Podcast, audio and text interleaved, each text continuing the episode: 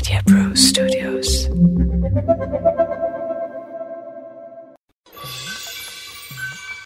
भाई ये संसार में अगर दू भाई बाड़ा एगो अमीर बाड़ा एगो गरीब बाड़ा आ मिलजुल के खुशी मन से रह रहा बाड़ा तब पता नहीं कहे आस पड़ोस के इतना जलन होला कि ऊ लोग का सुख उनकरा से देखल ना जाला और हमेशा अलग कैला के फिराक में ही लोग रहेला Big FM Podcast.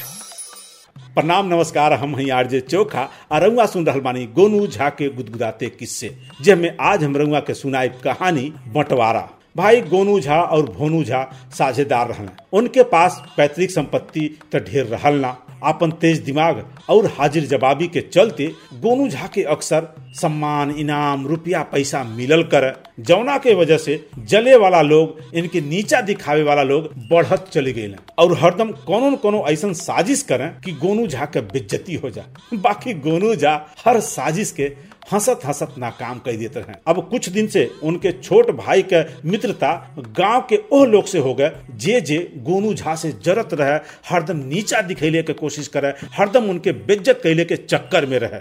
Gonu Jha समझैले भी कि भाई वो सब ठीक दिमाग के आदमी ना हुए वो सब बढ़िया ना हुए। अरे तो के बिगाड़ दी हैं, बर्बाद कर दी हैं। भोनू झा समझले के बजाय उल्टा गोनू झा से चिढ़ जा। और इतना चिढ़ गई एक दिन कह देना कि, भैया, हमार बंटवारा कैदा, हमार हिस्सा लगा दा। गोनू झा रोज रोज के बात से आज ही जा गई आ हामी भर दहन कि, ठीक बा भाई, तू ही पंचन के बोला लावा और बंटवारा करा ला।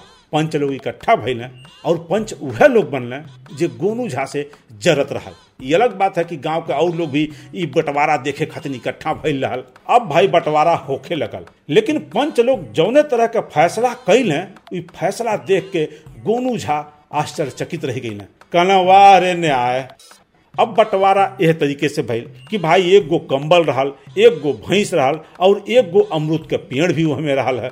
बंटवारा करत के पंच लोग फैसला सुनैले कि कंबल दिन में गोनू झा रखी हैं और रात में भोनू झा रखी हैं। भैंस के सिर का हिस्सा गोनू झा के पास रही और धड़, माने कि जवन दूध देले भैंस, ऊ वाला हिस्सा भोनू झा के पास रही। अमरूद के पेड़ ऊपर से, जहाँ फल लगेला, ऊ भोनू झा के मिले के चाही और जवन जड़ बा, ऊ गोनू झा के मिले के चाही। गोनू झा पंच के षड्यंत्र के समझत रहना है। फिर भी पंचन के फैसला सिर माथा पर रखल लेकिन वो गाँव वालों के कैसे बतेते कि जौन पंच बाण इहो लोग साजिश में शामिल बा। कहा कि ई बंटवारा उनके खुद के भाई से रहा खैर, गोनू झा फैसला मान लेना और खुशी खुशी वहाँ से चल रहे अब भाई बात आयल सामान के। जाड़ा का दिन रहा है।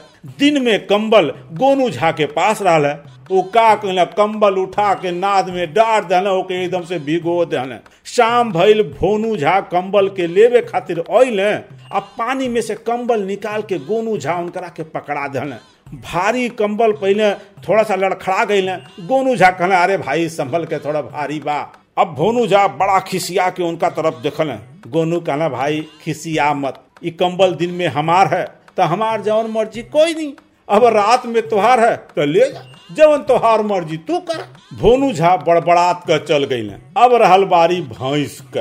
अब भैंस के दूहे खातिर भोनू झा जैसे बल्टी लेके बैठल। है गोनू झा डंडा उठैले और भैंस के माथा पर तड़ा, तड़ तड़ा, तड़ मारे लगल। भोनू झा खिसियले, भैया, ई का कर रहल बड़ा? कहला, भाई, खिसिया मत हम तोहरे हिस्सा के छुअत भी ना बाणी। हम तो खाली अपने हिस्सा में मार रहल बाणी। तू दूध दुहा। भैंस तो छटक गई दूध कैसे दुहाई? फिर भी खूब खिसिया के, गुस्सा के, भोनू झा रह गई करते तो का करते? ओनही के आदमी जवन फैसला कैले रहल। अब बारी रहा भाई अमरूद का पेड़ के। अमरूद का पेड़ एकदम से फल से लदल रहा है। लबा लब रहल है। वही में गोनू झा आरी उठैले और पहुँच गई पेड़ के काटे खातिर। जैसे आरी पेड़ पे भिड़ैले, भोनू झा दूर में से चिल्ले। हाँ हाँ हाँ भैया भैया का कर बड़ा? पेड़ कहे काट रहल बड़ा? गोनू झा कहला, भाई, देखा, खिसिया मत और हमरा के रोका भी मत। काहे से कि नीचे का हिस्सा हमार है तो हम अपने हिस्सा के काटी, तूरी, जराई, कुछ करी। तो से कोनो मतलब ना है, तू बोल ना सकेला। पंच यह फैसला सुनैले बाड़ा भोनू झा कहला, त वही समय तू कहे ना बोलला? गोनू झा कहला कि पंच बना के पंचायत में तू अपने ही स्वार्थी मित्रन के बैठा दला।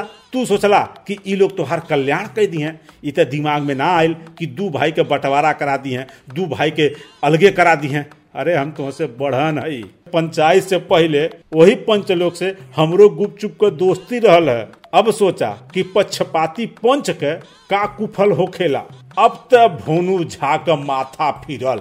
एगो डंडा उठैले, आ खोजे लगले वही स्वार्थी मित्र के वही पंच लोग के, जे ई कुल फैसला सुनैले रहल, आ जे जहाँ मिले वही के उठा उठा डंडा खूब पीटे लगले।